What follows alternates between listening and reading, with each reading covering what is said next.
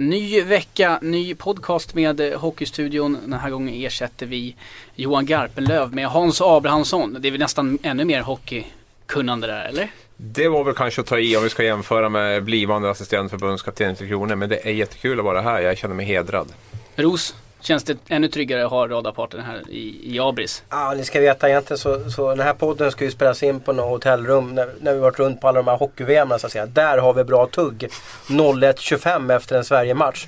Då kommer sanningarna fram. Du har fått mycket skäll av mig där Thomas genom åren va? När jag har varit på mitt dåliga humör. Mm. Ditt jävla humör, Brynäs-surheten. Det finns ju någonting, jag vet inte om det är någonting med Gavleån, men många från Gävle uppfattas som lite buttra så att säga. Vi har ju, du är ju där från Sundlöv, Masken. Det är lite butter, buttert över Jag vet inte var det kommer ifrån. Ja, nej, vi har Matas ni med någonting i skolan där uppe eller? Ja, det är tuff, tuffa uppväxter där uppe. Det är ingen silversked som där i Huddinge utan vi, får, vi har gått den hårda vägen och det är klart då blir man lite färgad av det och, och känner sig lite bitter och butter. Så att det är nog, eh, det ligger nog där. Kuben är ett undantag. Kuben är våran, eh, vårt ansikte utåt ja. Men allvarligt talat Leif Boork, håller på med hockey 600 år. Ryno för säsongens första guld och tappar! Han tappar pucken! Han tappar pucken och här kommer Serdenterfelt, 40 sekunder kvar. Eh, men, men, vi börjar med just eh, huvudtacklingar för nu när vi pratar här så har Berglund fått eh, 6 plus 2. Du har grävt lite mer i det här Abris, kan du berätta exakt vad som har hänt?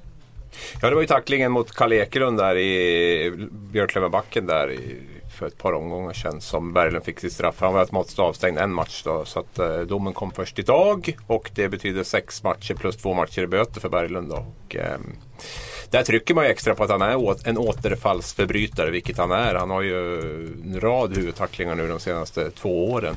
Jag vet Kalle Rosén i Rögle känner jag till. Eh, Sebastian Karlsson i, i Linköping och, och så den här. Och så tror jag han hade någon uppe i Mod också. Är det för lite 6 plus 2? Jag kan väl tycka att det är en ganska rimlig ett rimligt straff trots allt. Jag, jag, jag, vi har ju inte sett, jag tror också att det är det som räddar honom lite grann. Att det finns nog inte helt klockrena bilder på den. Och eh, det tror jag räddar Berglund lite grann också. Eller fäller honom naturligtvis. Det kan ju vara att den är, den är lindrigare än vad det ser ut också. Jag, jag har inte sett tillräckligt bra bilder för att säga en spiksäkert straff på det där. Men, men 6 plus 2, eh, det känns ändå rimligt med tanke på hans historia.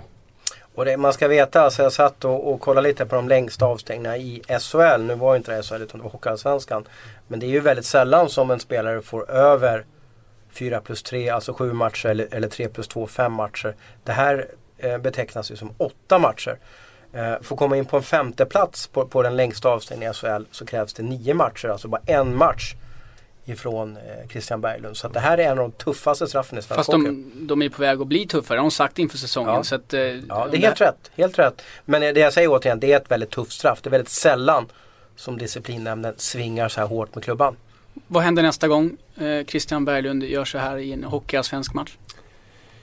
Bra fråga. Eh, jag tror naturligtvis att han kommer att få ett ännu hårdare straff då. Jag, jag, är lite inne på den här linjen. Alltså, vi har ju inte det i, i svensk hockey eller idrott överhuvudtaget. Men jag, jag är ju lite inne på att gör man tillräckligt många sådana här förseelser så tycker jag att man ska stängas av på livstid. Jag tycker liksom man har förbrukat sin rätt att vara där ute. Men vad går gränsen då? då ja, alltså? alltså är vi uppåt en fem, fem huvudtacklingar så kan jag tycka att där någonstans bör definitivt en gräns gå för hur länge man kan ha en spelare på isen. För det handlar ju ändå om andra spelares hälsa. Och när man gör samma förseelse gång på gång på gång på gång så är det ju frågan om inte man har liksom förbrukat sin rätt att vara med på den här nivån i den här idrotten. Då tycker jag man kan pyssla med någonting annat. För då, då måste man nog sätta andra spelares hälsa före den, eh, det straffet är att inte få, få sluta. Att man, att man tvingas sluta då. Jag tror att det också ska vara väldigt avskräckande för spelare. Liksom. Det är som ett körkort. Kör du för fort tre gånger så, så ryker körkortet. Eller med dopning, dopar du tre gånger så... Ja eller kör man tillräckligt för fort så blir det av med ja, körkortet. Ja.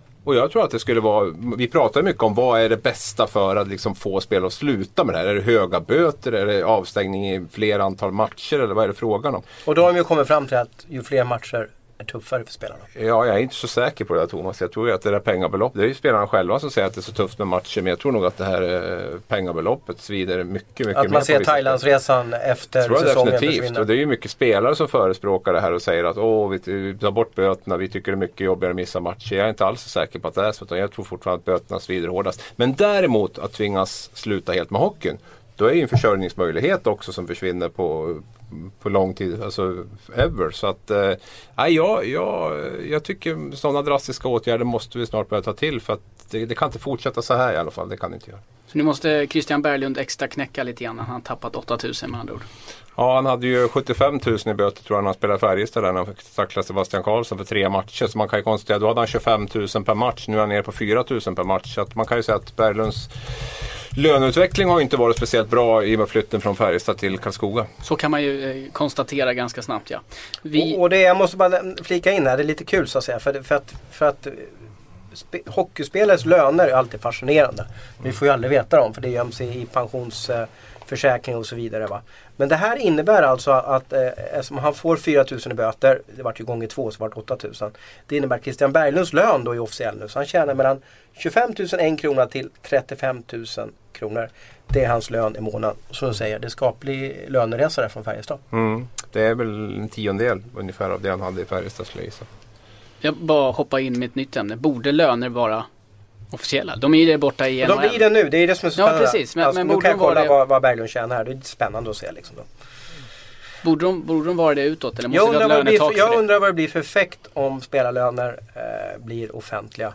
En del säger att, eh, att, att eh, lönerna blir sämre.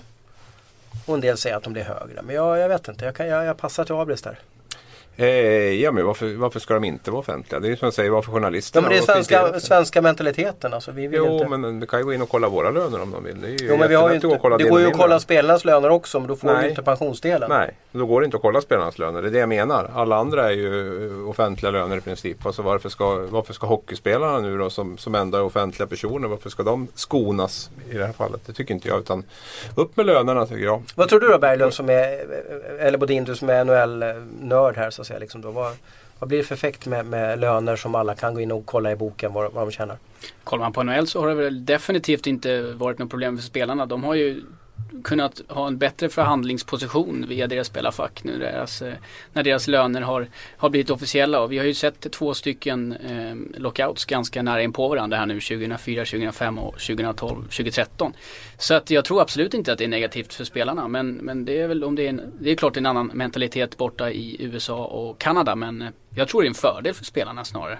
Är det inte en jäkla nackdel alltså om du kommer ut att du som, eh, jag tar bara ett exempel, Patrik Thoresen, att han tjänar 325 000 kronor i månaden. Eh, som sagt jag bara hugger till nu. Och så vet fansen om det. Snacka om att press och leverera hela tiden för att du tjänar så in i skogen Men elitidrott, elitidrott handlar ju om att leverera under press. Det är ju liksom egentligen det det går ut på hela stället. Så det, det måste man ju fixa. Det är inte häftigt att tjäna pengar. Var stolt istället. Fan jag tjänar mest i SHL. Så här bra jag. Jag, jag förtjänar de här pengarna. I omklädningsrummet har de stenkoll på vad, vad, vad polarna tjänar.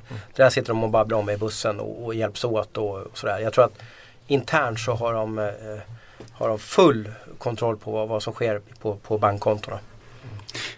Abris, du är, kommer ju här från Gävle och åker tåg och är med. Det är ju fantastiskt. Men du kommer ju också från en, en eh, helt underbar period i Gävle eftersom att det går så bra för Brynäs. Eller hur, hur härlig är stämningen där uppe just nu? Nu är det inga griniga Gävlebor. Ja, vad var det? 5 och 2 i lördags var ungefär i en arena som tar 8000. Så jag ska väl inte säga att det är någon hockeyfeber där uppe. Och det, de har ju jätteproblem där med, med publiken. Jag trodde kanske, jag, det ligger ju på min lott att bevaka Brynäs hemmamatcher.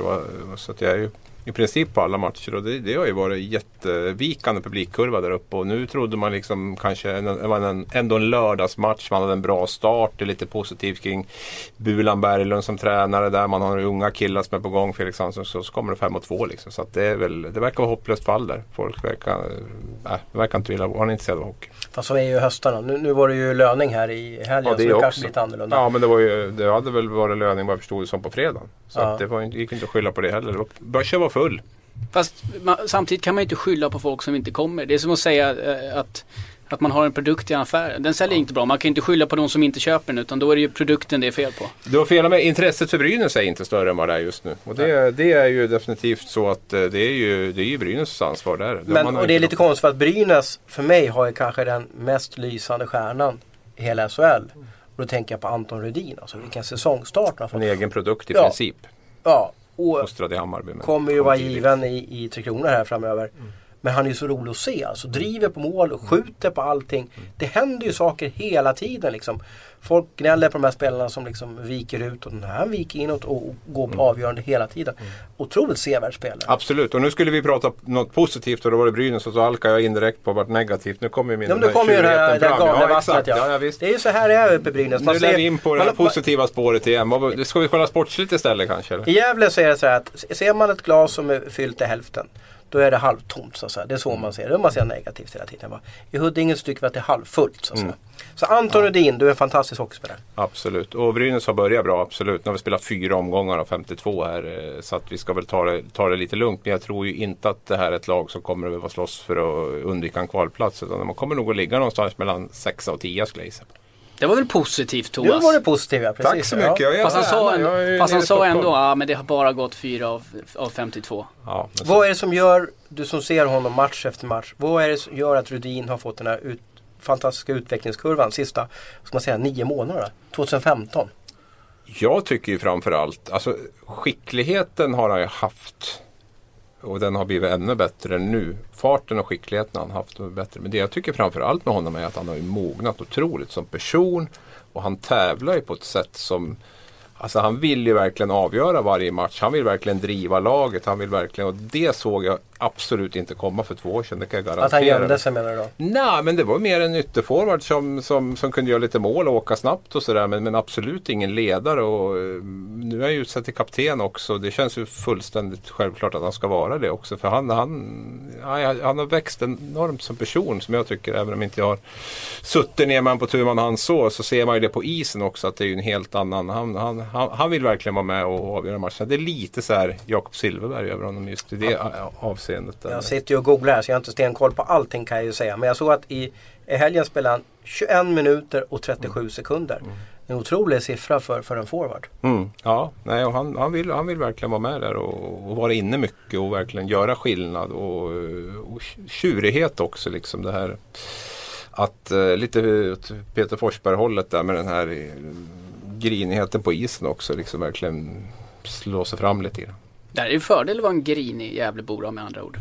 På isen. Ja, det ska bli kul att se vad, vad, och hur länge det håller i sig i alla fall. Och, och det är alltid kul med, med nya ansikten. Ett nytt, nytt fräscht namn. Sen är det ju liksom. roligt också med Rudin ska vi säga att jag tror att han är otroligt beroende av att han liksom känner att han har förtroende och att han liksom är en viktig del i laget. Jag, jag, han var ju uttagen till Kronor redan förra året. Va? Och där händer inte speciellt mycket så det ska bli väldigt spännande att se hur mycket mer det händer i år. För att han blir uttagen det är jag helt övertygad om. Men, men eh, eh, så bra som han är så ska han kunna ta en ledande roll även i Tre Kronor nu. Och, men då är det upp till honom att- visa det också. Att det fungerar bra även utanför 026-området. Rosus säger det är kul med nya ansikten och då får vi väl ändå säga att eh, Felix Sandström är, eh, som har klivit in nu när Starkbaum är skadad i Brynäs. Alltså född 97. Eh, Man måste ju ändå ta upp honom. Målvakt som briljerar de senaste Ja, matcherna. jag är ju ingen målvaktsexpert men jag slutar ju inte fascineras av eh, och det är kanske är någonting med, i vattnet i Gavleån även där så att säga. Men vilken fabrik de är uppe i, i eh, Gävle. Jag kan inte Felix bakgrund men som jag förstått det så är han skolad i, i, i Pekkas skola också. Pekka Alséns skola där. Har gått den långa vägen. Eh, nu, nu har han ju också, det är bara fyra matcher och han jag vill inte att han har tur att Starkbaum är, är borta här men, men vilken bra resa han har fått och vilken bra start han har fått på sin SHL-karriär. Kan du något mer om honom? Vad, vad har han för bakgrund? Vad han för liksom, hur kom han in? Han var ju med redan i fjol lite och, och petade. Fost, fostrad i Huge, kom till en liten kvartersklubb i Gävle, kom tidigt till Brynäs. TV-pucksåldern där har, har gått den här vägen. Har ju alltid varit liksom ja, etta i sin årskull, eller alltid, men i alla fall med där uppe. Så det är ju en supertalang. Så det är ju ingen som är jätteförvånad. Och det, eh, han kom in redan förra året, fick stå hoppa in mot Leksand där inför fullsatt arena och gjorde en jättematch där. Och sen fick han ju körtelfeber, så den säsongen förstördes ju. Precis, jag såg en träningsmatch med honom. Då blev jag fascinerad i början där. Och sen, men sen så bara, bara försvann bort. Men sen var väl Starkbaum okej där också. Jo, absolut så är det. Men jag vet eh, att tränar Vill köra med- tror att eh, Sandström har en högre potential redan den här säsongen. Är han, en, är han en ny Markström? Vi kommer ihåg när Markström kom upp. Då hade han i och för sig Lindbäck som konkurrent tror jag. De var väl jämnåriga. Men, men eh, tror du att eh, Felix kan eh, gå in och, och peta Starkbaum och bli Brynäs stora hjälte den här säsongen? Ja, det tror jag att han kan. Det Häftigt. tror jag att han kommer att göra. Det var häftigt Ros. Det är jätteroligt för honom. Du hade ju en roligt tillägg häromdagen Abel såg på de här yngsta målvaktsparen i SHLs historia. Mm. Nu vet jag inte vad, vad, vad Felix och hans backup-målvakt hamnar på den listan då, men det är väldigt sällan som SHL vågar satsa på tonåriga första målvakter. Det händer inte så ofta senaste åren. Kanske var mer vanligt förr, jag vet inte. Men jag får, får får, eh, det är härligt att de gör det i alla fall. För jag är stark på honom. Jag kan tänka mig att det kokar i honom nu i alla fall. Han är ju galen för det här så att, säga, att han inte får stå. Han ser ju sin karriär bara försvinner i avloppet. Mm, nu är ju Starkman skadad då, så att det, Jo men han måste ändå vara orolig. Jag, det ska väl vara, men det ska man vara på den här nivån. Man ska ju vara orolig. Det ska ju vara en kamp om platserna. Där har ju Brynäs haft ett problem med Starkman lite grann också. Att man har ju inte haft någon, någon, någon vettig backup bakom honom. Där. Man hade ju åtta, åtta andra målvakter förra året tror jag. Där är någon cirkus som jag aldrig varit med om något liknande. Och ingen av dem kunde egentligen gå in och stå. Det var väl Honken som kom på slutet som kunde stå och avlasta lite. Men de övriga var ju för dåliga för att ens kunna kasta in i en match. Mm. Vi ska inte göra en Brynäs-podd över det här men jag måste bara nämna. Jag tror ju att eh, bubblan spricker nu. Nu är Vranja borta här. Skadan som han fick ådrog sig med käken där i, tacklingen som han fick av eh, Karalahti och så är ju Entefelt borta och, Starkbaum är, ju borta som vi har nämnt. Eh, nu spricker bubblan Maros. Det är kanske för tidigt att säga, jag vet inte. Jag, och jag, du har ju sett Brynäs mer än vad jag har gjort. Abris i alla fall. Jag vet inte hur viktig Vranja har varit för dem då. Jag kan inte riktigt avgöra det men, men de har ju fått ett, ett tajt försvarsspel. De har, eh, det är ett Garpen-uttryck så att säga, men jag tycker det passar ganska bra för, för Brynäs. De hittar vägar att vinna hela tiden i alla fall. Mm. Så att, eh, och, och, jag tror också att de har ju den här tacksamma rollen också. Det är ingen som räknar med dem. Möter de HV71, ja då är HV favoriter. De är underdogs i, i, i eh, ja, kanske i alla fall 12 av 13 matcher. Och det är ju en ganska tacksam roll att ha. Nu är det som du säger, nu Vranja, han har inte varit jättebra men han har varit helt okej okay under SHLs första matcherna här. Och Entefelt också borta. Två etablerade centra. Det börjar bli väldigt tunt och det skrev jag inför säsongen att två saker med Brynäs. Publikintresset nummer ett eh, och skadebilden nummer två var där. Nu är man nere på två centra borta här nu. Det börjar bli ganska tunt i centerleden och man har en ganska tunn trupp. Så att, eh, Tror du att de kommer värva? Vad kan de plocka nej. in? Jag, jag, tror inte man kommer värva speciellt mycket. Det tror jag inte. Och som sagt vad ska man ta in? Det gäller att hitta någonting då som kan eh, kan stärka upp laget. Jag är inte helt säker på att man kommer att göra det i, i det här läget. Har de någon som kan gå center? Liksom? Jag tänker på om det finns ju bara ja, de... 13 mil från, från Gävle så sitter ju, eh, eller står Jens Bergenström och, mm. och vill börja mm. spela hockey. Ja, nej men det kan väl absolut. Nu tror jag kanske inte att Bergenström är den man plockar in där. Jag ser väl inte honom som någon renodlad center heller. Men... Kanske inte Brynäs heller det tror jag nog inte man bryr sig så mycket om i det läget. Där man har plockat in, Han har ju Olas in Leksinga tidigare. Ja, herregud. Då hade väl hela kaptenstrion var väl gamla Leksinga förra året med Andersén, Olas och Sundqvist. Jag tänkte att se Bergenström. Ursäkta att vi bara glider iväg här Bodin. Men tänkte Nej, men jag se, tänkte komma in på att se Bergenström alltså liksom i, i Brynäs alltså. Ja, ja det hade varit oh, någonting. Herregud alltså. Nej men jag, jag tror det är möjligt att de kommer att titta på någonting där. Men eh, de har inte så jättemycket centeralternativ. Så. Vi får väl se vad Bengtzén trollar fram. För nu låter det som att Vrana är borta väldigt länge. Ja, åtta veckor. Ja. Och Entefelt är tveksam till om han kommer tillbaka i år. Vi, vi kom in där på kontraktslös spelare i Jens Bergenström. Men vi har ju ett, eh, ganska många som ändå är av hög kvalitet om än lite äldre då. Conny Strömberg, Mackan Nilsson. Douglas Murray fick ju inte kontrakt här nu i Calgary, även fast det kanske inte var så troligt. Och så har vi ju målvakten Johan Backlund. Var, var hamnar alla de här spelarna någonstans? Det är ju ändå, det är ändå spelare som har producerat mycket poäng och i Johan Backlunds fall varit en toppmålvakt eh, i, i Sverige när han väl spelade där i alla fall. De flesta spelarna som du nämner, Bodin, har ju passerat Zenit. Absolut, men de kommer ju bli min, I min värld. Eh, jag tror att det ska vara klubbar i panik eller i Hockeyallsvenskan som, som, som drar i den där livlinan och, och, och plocka in eh, Nilsson eller Strömberg och så vidare. Men du har ju något namn som, som eh, studsade fram i helgen här som jag hajade till lite och där, där är jag lite nyfiken. Jag ska vända på lite stenar här på, efter den här sändningen. Det är Kirill Kabanov. En skicklig eh, forward som var i eh, Skellefteå i fjol, testade Nordamerika nu men har blivit ratad och är liksom ska säljas in till Sverige och KHL. Det är lite spännande för där har du en ung kille som, som eh, född 92, rightare också. Eh, 29 poäng på 43 matcher i fjol. Där, det, det är ett bra nyförvärv. Så han är kanske för mig den hetaste namnet på silvermarknaden just nu. Du tror inte han vill till KHL då? Vi är säkert dit men frågan om han ja. får någonting där borta. Pelledin då är ju jättespännande. Han går väl ut snart tryouten här med, eller tryouten säger jag, men det här enmånaderskontraktet som han hade med, med Red Bull Salzburg där. Jag tror att Ledin jäkligt gärna vill spela. Jag vet inte hur han presterat. Han, jag han, han hade någon poäng. Ja, precis. Han hade mål där. igår tror jag. Ja, ja, det är ju jättefascinerande. Jag tror att han jättegärna vill vara kvar i Salzburg. Eh, Jag Han har fått smak för det här livet nu Ja, tror och jag. jag har varit utanför Salzburg. Jag har inte varit inne och sett deras fantastiska anläggning. Men alla säger att när man kommer dit så tror man det är NHL-klass på precis allting. Eh, han är utomlands, det vill säga han får pengar rakt in på kontot. Det är ett ljuvt liv där nere som han kanske inte kan ha i, riktigt i Sverige. Noll utvisningsminuter efter två matcher, det får man väl ändå säga. Det är bra jobbat Ledin. Han har ju fått en stämpel här så nu slipper han den så att han eh, kommer domare med helt nya ögon som ser på honom. Men, men det kan ju vara också att vi Men pratar- tror du inte att det är någon klubb som får panik här hemma nu? Ja, jag funderade på Luleå.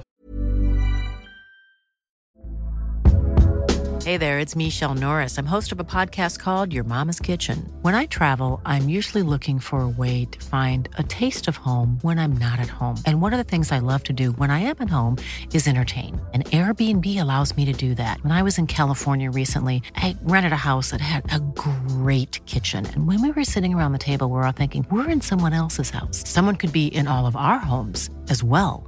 If you have a home, but you're not always at home, you have an Airbnb.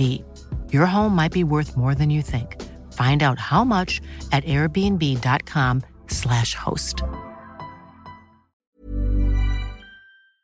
Ja. Ja, Luleå ska prata, jag måste bara säga det var faktiskt, han har faktiskt en tvåa på två matcher. Men det var väl bättre än man brukar ha i nästan i Sverige. Men Luleå ska vi komma in på, för Luleå har ju, eh, eh, ja, som Växjö har haft en dålig start på säsongen. Om man ser bottentoppen så trodde man väl Brynäs skulle ligga där nere och, och både Luleå och Växjö skulle ligga där uppe där Brynäs är. Vad händer i Luleå egentligen?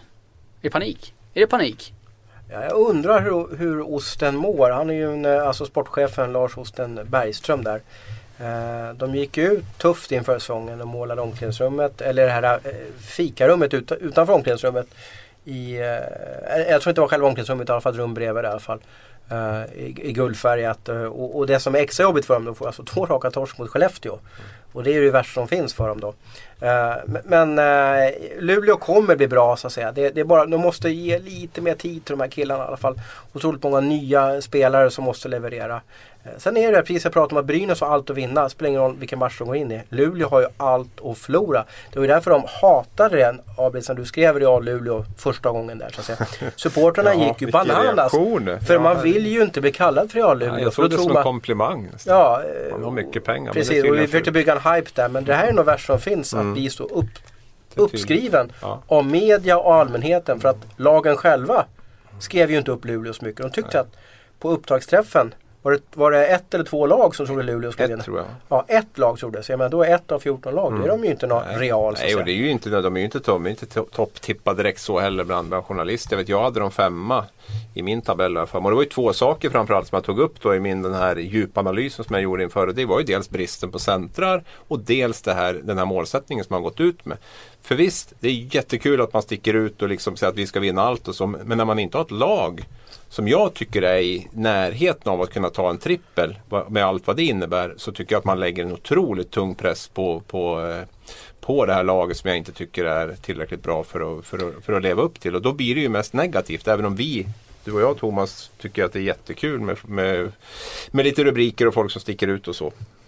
Djurgården gick ju ut, inte Djurgården själva, men de tippades ganska högt den säsongen de åkte ur. Kan det bli så att Luleå får en sån eh, supertuff säsong? Att allting bara, att det bara spricker totalt Nej, för dem? nej, Varför inte? säger jag. Nej, nej men så, alltså det, det, det ser jag inte någon problem. Man har ändå liksom, man har ett bra lag och man har ett relativt okej grundspel tycker jag defensivt. Man har bra målvakter. Det finns betydligt fler lag nu som är sämre också. Så att nej, Luleå kommer inte att hamna i något kvalspel. Definitivt. Kan de missa slutspel?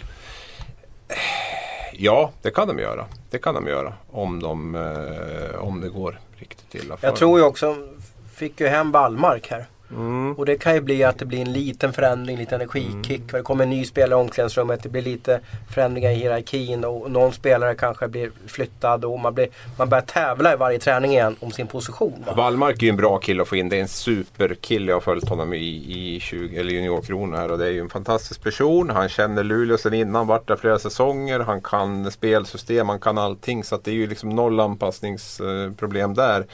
Sen vet jag inte, är han en första center i SHL? Är han så bra så att han liksom, för det är ju där vi måste placera honom. Det är ju det jag var inne på med centerbristen med Luleå. Nu var ju den här Legacy, Legacy alltså har man ju hypat där uppe under försäsongen och sagt att han är just fantastisk. Och jag vet inte, han har en poäng tror jag nu på de fyra matcherna. Och nu är ju inte han aktuell att vara första center längre utan nu är ju Wallmark som ska gå in där då med Sweat och Mick Flicker.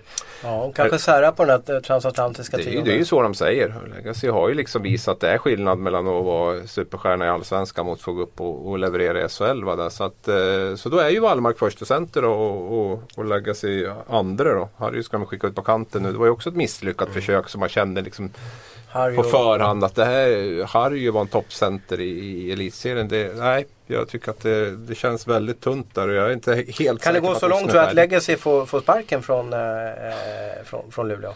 Jag kan säga så att jag tror att det är väldigt viktigt att han spelar i, i någon av de kedjorna högre upp där eh, en producerande kedja. Dels för att han är ingen gnuggarspelare på det sättet och sen är det ju väldigt trångt om platserna när det gäller gnuggar. För någonting Luleå har så är det ju, är det ju gnuggare nere i tredje och fjärde kedjan. Så att eh, ja, han får nog en tid till på sig där med att visa att han pallar att köra en andra centerroll i SHL. Men funkar inte det så tror jag nog att Osten kan eh, värva in en till center och då är det nog Wallmark och den nya centern som som, kommer att vara nummer ett och två. Ja för pengar det vet vi ju nu att det är ju inte det som är problemet. Nej, det är väl inte obegränsat där uppe tror jag på det sättet. Men jag tror nog att det finns en liten slant över. Jag tror inte Wallmark är någon jättedyr spelare heller som man får in nu. Så att, eh, jag tror definitivt att det finns eh, pengar över till minst ett toppnamn till. Och hur snart gör man en sån värvning om det fortsätter? Hur, hur många matcher till kan man kan man acceptera att man förlorar eller tappar poäng på det här sättet? Jag kan nog tänka mig att man väntar 15-20 matcher i alla fall innan man gör något. Sen beror det ju på när den här spelaren dyker upp. Jag menar dyker han upp efter 10 matcher och man känner att man måste slå till så gör man det. Dyker han upp om först om 30 så blir det väl det. Det jag vill säga också Thomas är inte att man förlorar mot Skellefteå. Man blir ju helt utspelad mot Skellefteå under princip sex perioder i de här två matcherna. Det är ju det som är det stora problemet och det är ju frapperande vilka problem man har i egen zon när Skellefteå sätter hård press på Luleås backar. Luleå vill ju vara ett efter den här Rönnqvist Berglund så ville man ju ha in det här lite mera, att man var konstruktiva från egen zon. Inte chippa ut bara och stack utan att man hade ett konstruktivt spel.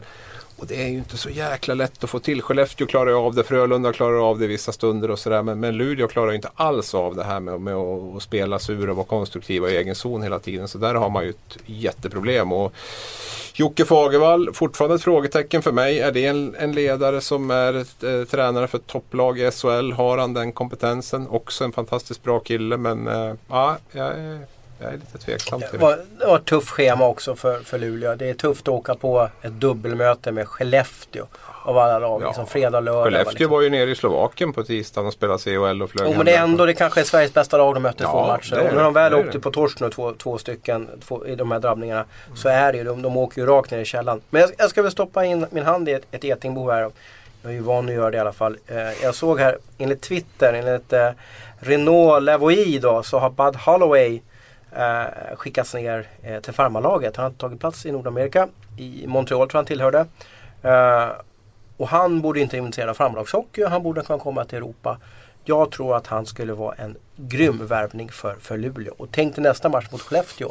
När Guldbad kommer hem och har Luleåkläder på sig. Sånt här gillar jag vet du, när det blir lite klubbyten. För jag tror han struntar fullständigt sånt så att säga.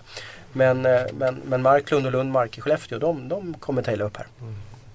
Sen är inte jag säker på att Bud Holloway modell 2015-16 är en spelare som, men, som lyfter åh, Vilken sniper han var. Så han vilken, var vilken jättebra skott, i ett alltså. jättebra lag där han hade spelare runt sig som, som också var fantastiskt bra. Tänkte det var ju direktskott där i Ja absolut, absolut. Men eh, sista året han var i Skellefteå var han ju inte jättebra. Men då fick han ju inte spela första men kanske han, ja, han, han kanske förtjänade den istiden. Ja men han, han, han fick nog chanser så det räckte så. Det var väl att han kanske inte tog dem riktigt. Att han fick lite mindre mot slutet. Men, ja jag hoppas på det i alla fall. Den rubriken vill jag ha. Bud This bud is for you, Luleå. Får han åka och kyssa Luleås klubbmärke där uppe mm. sen istället. På tal om eh, På tal om människor från, eller människor, på tal om hockeyspelare från, från AHL till eventuellt tillbaka till SHL. Wikstrand, vad är det som händer där? Ska, vi, ska jag uppdatera ni som lyssnar ja, kanske lite snabbt? Där, ja, han har alltså åkt över till Ottawa eh, som eh, i sin tur har valt att skicka ner honom till, till farmaligan eh, och nu väljer eh, Mikael Wikstrand att åka hem och eh, enligt honom beror det här på att han har en sjuk släkting. Eh, och Ottawas reaktion eh, tyder väl på annat från deras håll i varje fall. De säger att han ska inte spela någon hockey på professionell nivå. Han ska jobba i en, i en matbutik istället. Så kan man väl sammanfatta det hela. Och jag är inte helt övertygad att han har blivit nedskickad ännu så att säga. Vi, vi får eh, dubbelkolla den uppgiften. Utan eh, i, i, min bok så var han, han har chans att spela till sig ett NHL-kontrakt. Men eh, väljer då av personliga skäl att åka hem. Eh, jag tycker att det var ett felaktigt eh, beslut att skriva ett NHL-kontrakt från början med honom. Han är, vill bevisligen inte kanske vara där borta och det var, det var Ja, det är en, en, tråkig historia det här. Jag är nog helt, jag är helt inne på din linje. Jag vet inte om vi sa det heller. Men han skrev ju under förra, förra året då med, med villkoret att han skulle vara utlånad till Frölunda. Vilket Ottawa gick med på. Och då var det givna att han skulle försöka spela sig till en plats det andra året. Så tror jag i alla fall klubben såg på det. Jag, jag, jag kan väl egentligen bara instämma med Rosa. Jag, det är ju uppenbart liksom att han skulle aldrig ha skrivit på ett kontrakt där för ett och ett halvt år sedan. Eller vad det är nu. Eller, ja, drygt ett år sedan där. Utan han skulle ju ha väntat med det. För killen verkar ju inte verkar inte vilja vara där och det var ju tydligt med i somras också att han ville spela i Färjestad. Och vi, det har ju varit mycket turer runt Wikstrand. Nej men det är ju en jättebegåvad spelare, fantastiskt begåvad Jag kommer ihåg när han var i Mora där och ja. folk bara drog i honom. Liksom, ja, ja visst. Var... Nej, jag har ju följt honom i JVM och sådär och det är ju en superbegåvad spelare. Men det har ju alltid varit lite grann sådär. Alltså man väntade på att han skulle gå till Frölunda och han ville vara kvar i, i Mora och spela där istället. De fick ju nästan tvinga ner till, till Göteborg där. Och, och sen när han hade spelat år i Göteborg så ville han inte vara kvar i Göteborg för då skulle han komma närmare familjen och, och flytta till Karlstad istället.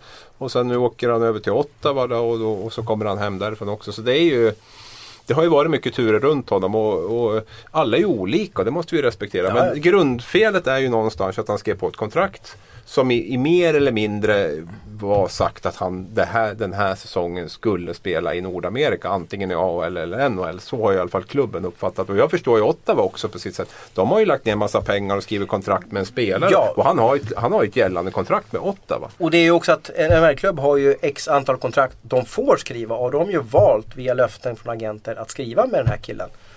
De hade kunnat skrivit med en annan spelare som kanske blivit en, en gudabenådad back där borta. Nu har de ju då offrat pengar på en kille. Men igen, personliga skäl, då ska vi bara backa. Ta hand vi vet om familjen, inte ta, ta hand om familjen. Mikael, men, men jag tror inte att det här är sista gången som vi pratar om honom eller skriver om honom så att säga. För jag tror inte vi har hört hela storyn från ruta 1 till ruta 10. Nej, och det har vi väl varit tydliga med här också. Att vi har väl inte berört den situationen. Alltså, är, det, är det problem någon anhörig som är sjuk eller någonting, full respekt för det. Men då har vi pratat om det att han redan i somras då var inne på att han vill ju, han vill ju spela i Sverige även den här säsongen. Så att eh, sen om det har stött till sådana privata problem så är det ju det. All respekt för det. Otroligt att se Murray där i Ottawa den här intervjun som gick ut. Alltså, han var ju han var ju, för, för att sno mitt, eller mitt Twitternamn han var ju rosenrasande. Alltså, han sa ju He can work as a grocery clerk och han sa att he can play for a beer league, not professional hockey. Han var ju stenhård alltså. Ja, liksom. och, det... och, det... måste ju vara för att de tror så mycket på Mikael. Ja. Hade han varit usel där borta då hade de ju inte gjort någonting så att säga. Men nu måste han ju varit att de trodde att den här killen kan vi bygga topp 6-backarna runt. Ja, och sen är det ju mycket prestige där borta i det där. När han, liksom, de vill ju ändå att kunna styra över spelarna och de känner att spelaren gör lite som han vill. Du vet ju att det var inte helt smärtfritt med Dick Axelsson när han lämnade Detroit där heller. Va? Och, och så, så att eh, det är nog mycket prestige också från klubben där. Liksom, att de tycker att han ska vara liksom, mera, mera lojal med klubben och, och anpassa sig och vara, vara glad att de har lagt ner en massa pengar och eh, tidigt draftval för att, för att ta honom. Nu har vi varit med sen, sen eh, typ andra världskriget slutade här du och jag så vi vet ju om att det här kommer ju sluta att, att agenten får röka fredspipan med Ottawa eh, och Wikstrand kommer ju spela SHL inom en månad. Ja, det tror jag också. Och i slutändan så tror jag nog att eh, Håkan, Håkan Loob kommer att Håkan Loob ringer en polare där borta och säger och, och, och, och pratar lite småmys och pratar om eh, 50 målsäsongen i NHL och så vidare. Så kommer det lösa sig.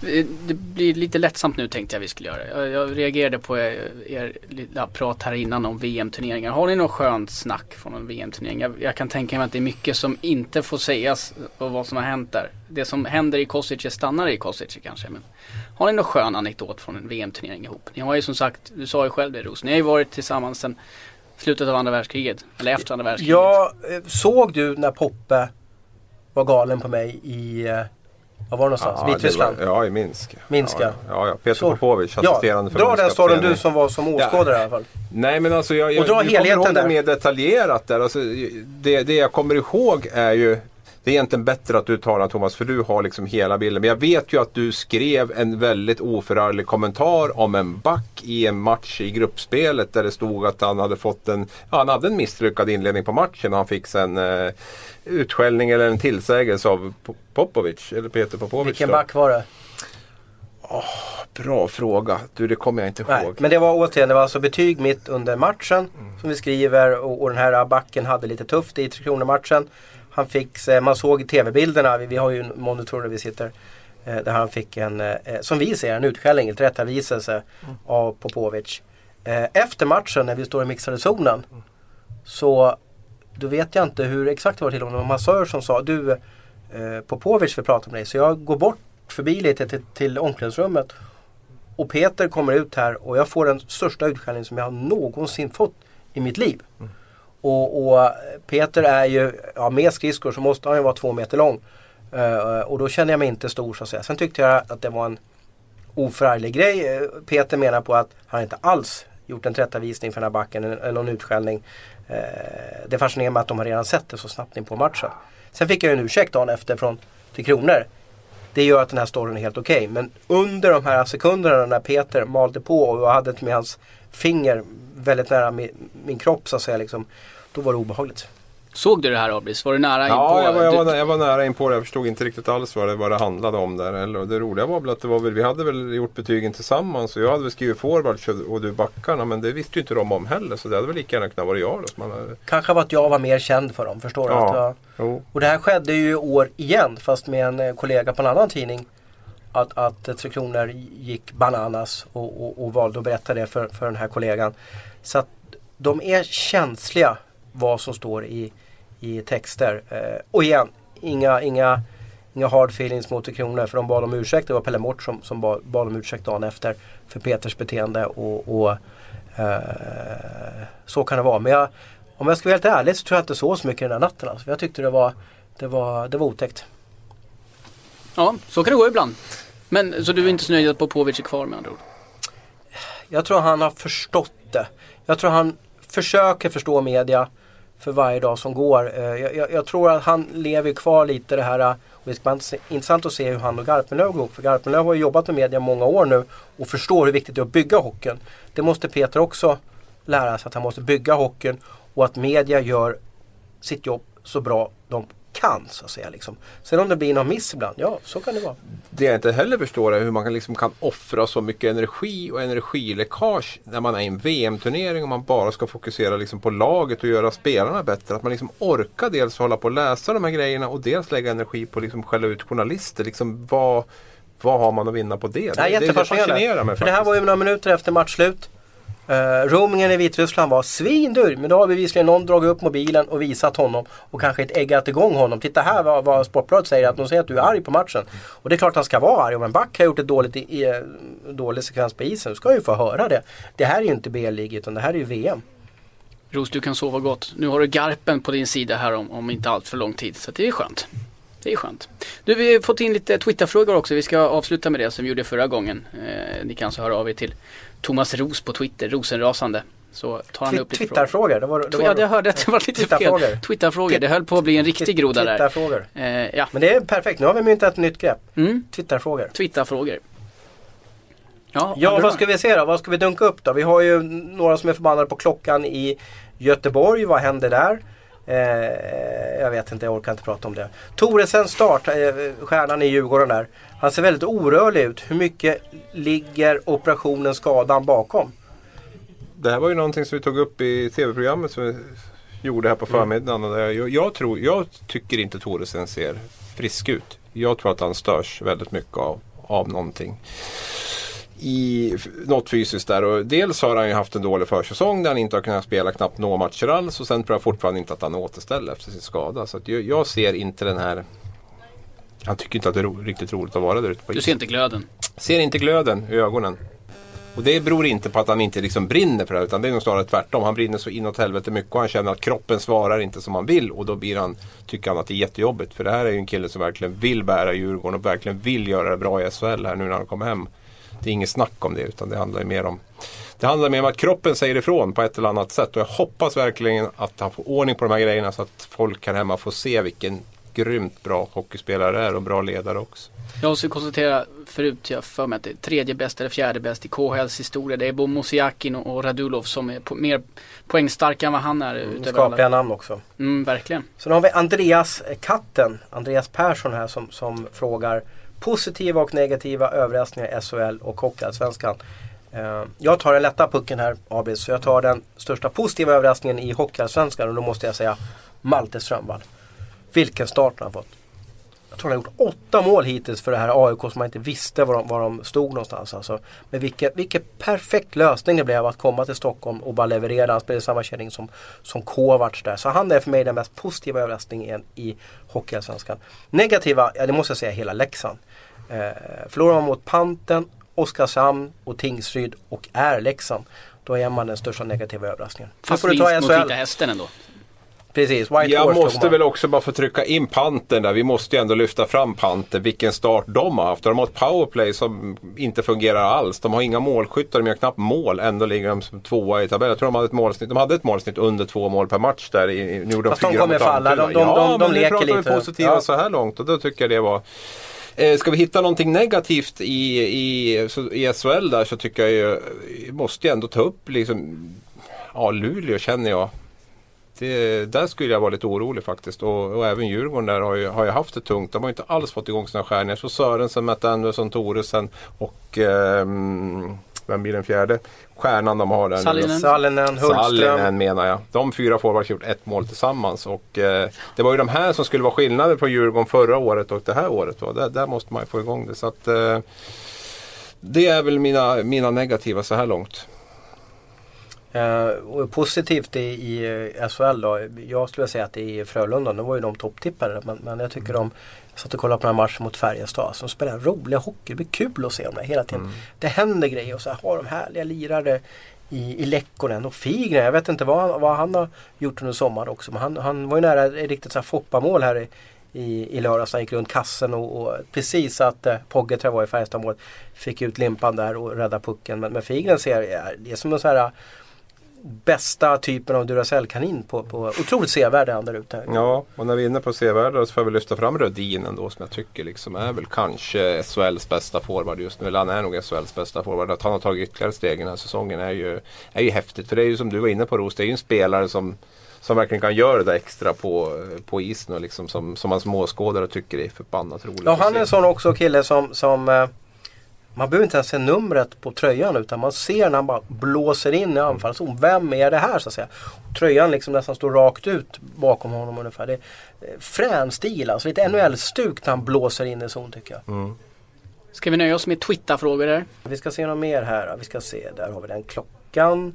Eh, ja, och så har vi fått en, en från Dalastark då, Emil Nisén. Som tycker att vi ska ta upp Luleå-supporten som friades av polis men som klubben stängde av i alla fall.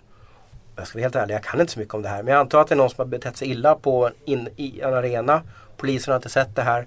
Men, men Luleå som förening har valt att, att stänga av den här, äh, gett han tillträdesförbud till, till Coop Arena. Och, och, ja, jag tror inte Luleå gör det här för jävlas. Det, det finns säkert någonting bakom det här. Ja, det är väl min känsla också. Jag här stoppar vi han i Getenbo också va? Ja, Supportrarna gillar inte att bli avstängda av klubben. Nej, och, och har, det, har det skett på, utan riktiga grunder så är det ju förjävligt naturligtvis. Men jag har svårt att se att Luleå inte skulle ha tillräckligt på fötterna när man väljer en sån här drastisk åtgärd. Sen, eh, det kan ju hända att de har mer information än vad polisen har. De kanske har eh, inte krävs samma bevisbörda heller och, och stänga av en supporter som du gör för att ställa honom inför rätta. Så att, eh, ja det, vi, får, vi får grotta ner oss mer i det här Thomas tror jag. Det får vi göra. Ringa Robert Hedlund. Ja. Vi nöjer oss med Twitterfrågor där. kan vi göra. Och Men välkomna, fortsätt att ställa med er innan vi ska på. Det är alltid kul att, att göra er eh, sociala medier-experter eh, lyckliga genom att bli, få ett svar här i, i vår podd. Precis, och det är bara att höra av er till Rosenrasande. Han är ju på Twitter 24 timmar om dygnet. Ja, och, och även Kristoffer Bodin har ju Twitterkonto och Hans Abrahamsson har Twitterkonto. Så bara in, in och följ Sveriges roligaste hockeyprofiler. Vi nöjer oss där, så eh, ni vet var ni hittar oss någonstans i sportbladet.se. Den här hittar ni ju i Acast och iTunes. Thomas Ros, Abris, tack så jättemycket. Hej då! Tack själv, hej. Men allvarligt talat Leif Boork, du håller på med hockey i 600 år. Ryno för säsongens första guld och tappar! Han tappar pucken! Han tappar pucken och här kommer Serdenterfelt, 40 sekunder kvar!